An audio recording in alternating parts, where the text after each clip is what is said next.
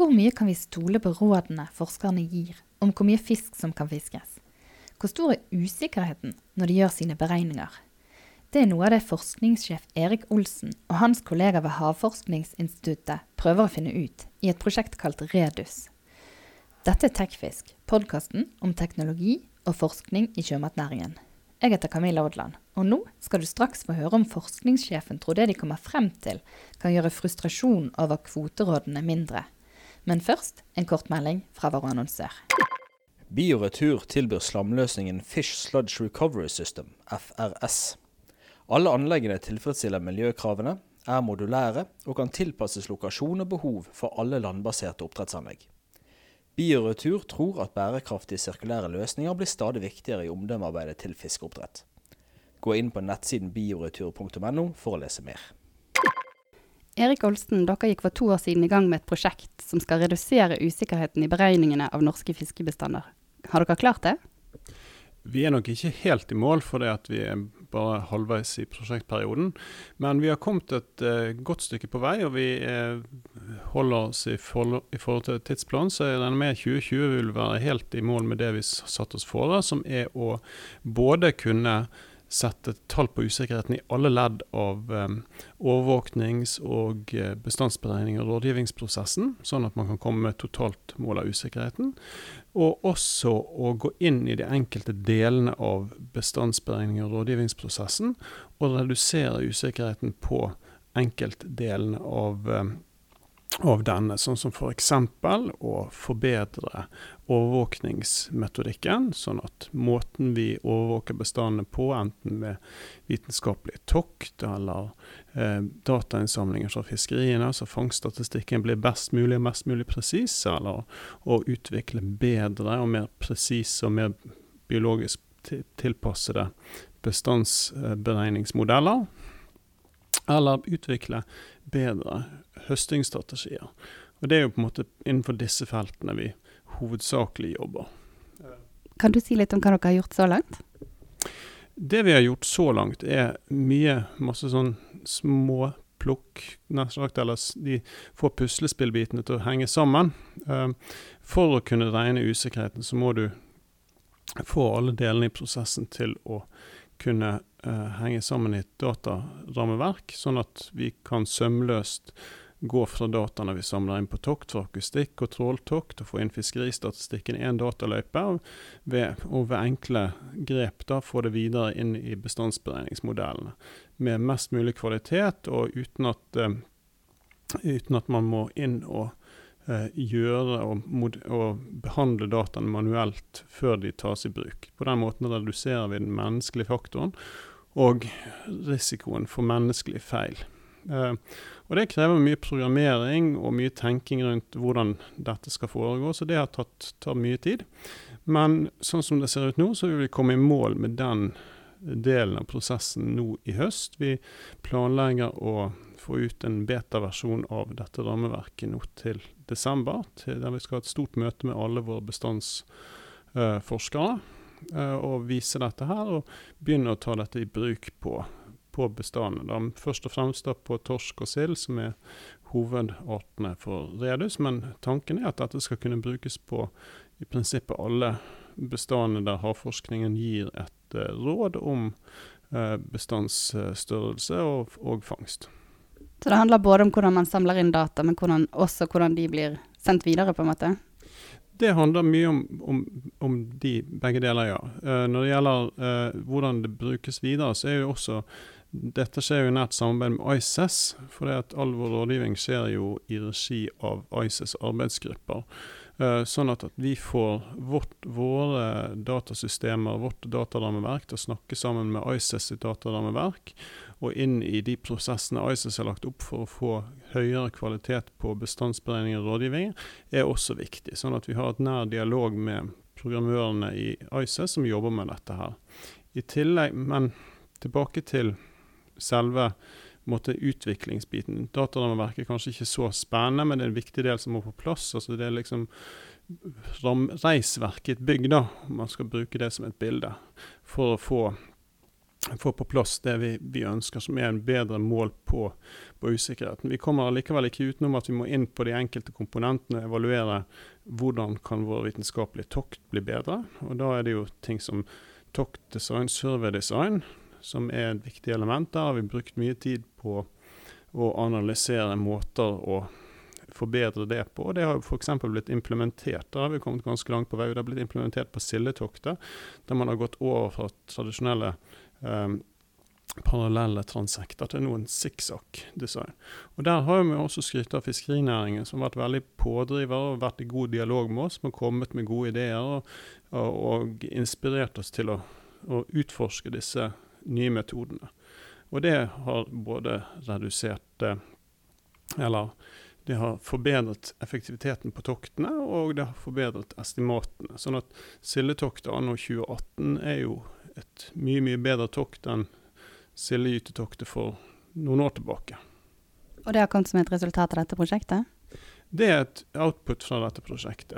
En, konkret, en konkret eh, leveranse fra, det, fra, Redus. I tillegg så jeg kjenner nok fiskerinæringen godt til Sildelotteriet. er et annet direkte output fra prosjektet, der vi har en statistisk eh, tilfeldig trekning av fangster. Uh, som da, når dette blir rullet ut på alle båtene, vil gi oss et veldig godt bilde av, av uh, alders- og størrelsessammensetningen på pelagiske fiskere på alle fangstene. Uh, og det vil bidra til å redusere usikkerheten i bestandsestimatet. Det at Jo bedre, mer statistisk korrekt prøvetaking av fangsten du har, jo mindre blir usikkerheten rundt fangststatistikken. Og når du snakker om usikkerhet og ISIS, så har det vært mye støy rundt bl.a. Eh, makrellkvotene i det siste, der fiskerne mener at de settes for lavt. Eh, kan tiltak dere kommer frem til i Redus-prosjektet være med å gjøre denne typen uenighet mindre? Ja, det er jo en del av Redus-prosjektet går jo f.eks. på å utvikle bedre bestandsberegningsmodeller og metoder for å teste disse. Uh, og en del, av en del av diskusjonen rundt makrellkvoten har jo gått på f.eks. hvordan skal du implementere um, merkedata i en bestandsberegningsmodell.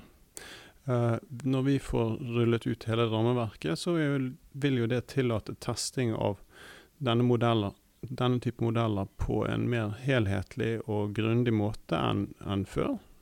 Uh, og da vil du kunne på en måte belyse de spørsmålene knyttet til usikkerheten fra um, f.eks. merkedata, som har vært en av hovedkritikkene det siste mot dagens eh, bestandsmodell for makrell.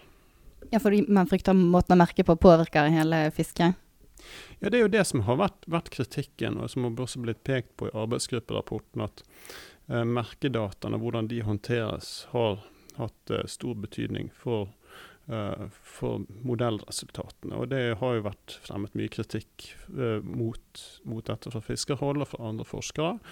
Og uh, jeg syns jo det at det er noe vi må kunne gi et godt svar på. Vi må kunne ha analyser på plass som gir svarene på de spørsmålene som, som fiskerne her, her fremmer.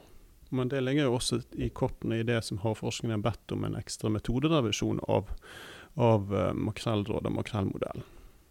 Forstår du at fiskerne kan bli veldig frustrerte over det de mener er feil kvoter?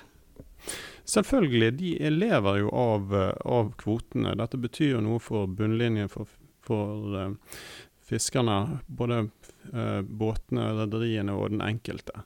Så det betyr jo veldig mye for dem på en helt annen måte enn for oss som forskere. Og I tillegg så er jo de på havet store deler av året og ser og, og, ser det som skjer på havet.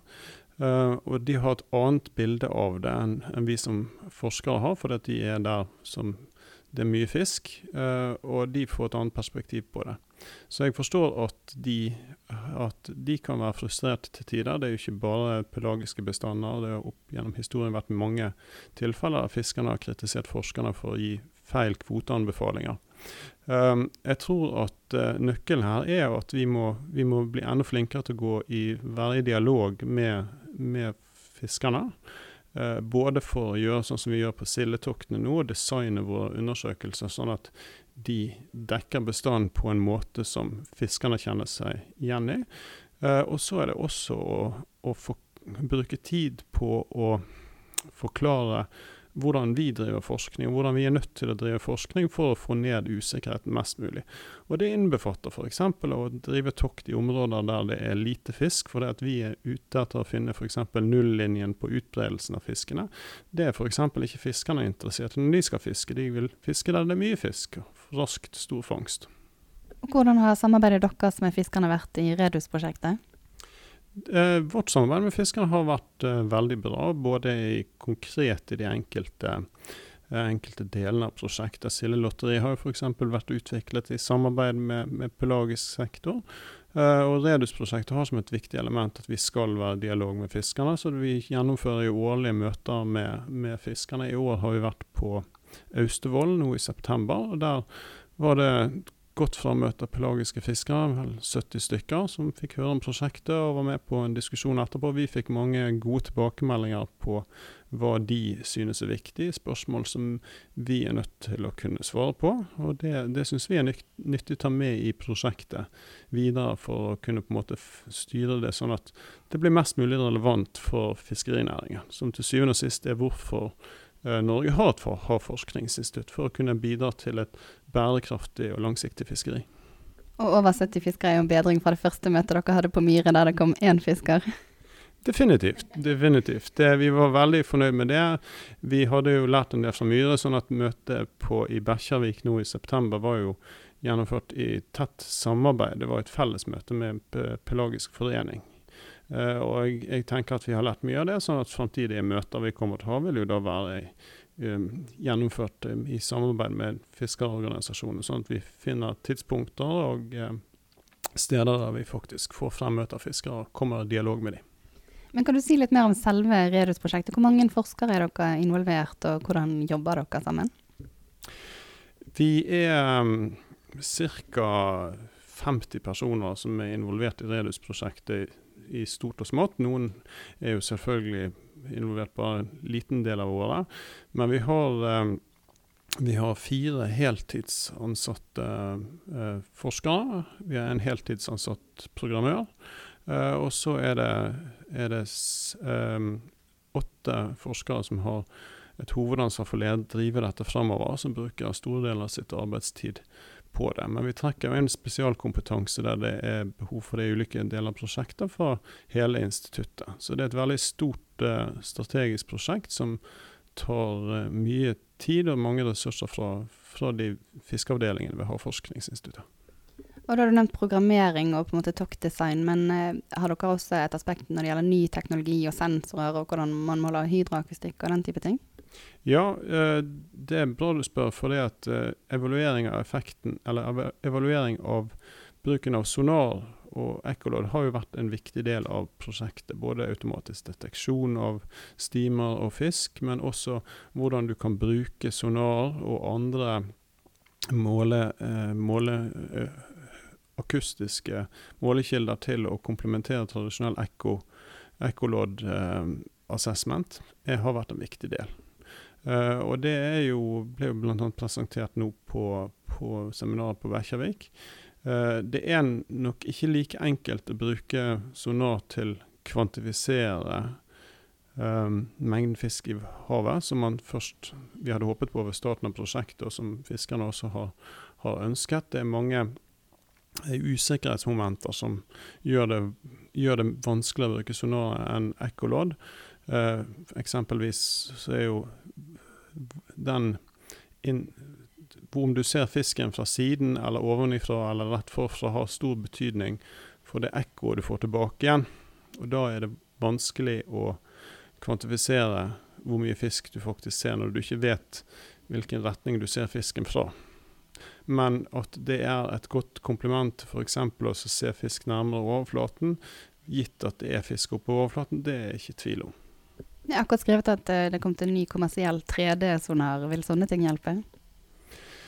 I prinsippet så er jo uh, det Det vil ikke hjelpe på, på, en måte på det prinsipielle spørsmålet rundt at sonarekko er veldig, så, veldig følsomt til inn, hvilken innretning fisken har, om du ser den forfra eller fra siden.